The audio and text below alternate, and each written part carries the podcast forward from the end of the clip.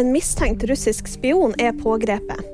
Økonomisk krise for Storbritannia. Og dansegruppa Quickstyle refses. En mistenkt russisk spion er arrestert i Tromsø. Mannen skal ha kommet til Norge på et forskeroppdrag ved UiT høsten 2021, og har bl.a. forska på hybride trusler. PST mistenker at mannen er i Norge under falskt navn og falsk identitet. En såkalt illegalist. Dette er første gang PST har pågrepet en person de mener er illegalist i Norge. Rishi Sunak varsler økonomisk krise for Storbritannia.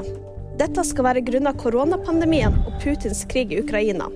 Det sier landets nye statsminister på en pressekonferanse tirsdag. Sunak vil bl.a. styrke helsevesenet, få bedre skoler og beskytte miljø og klima. Dansegruppa Quickstyle får kritikk.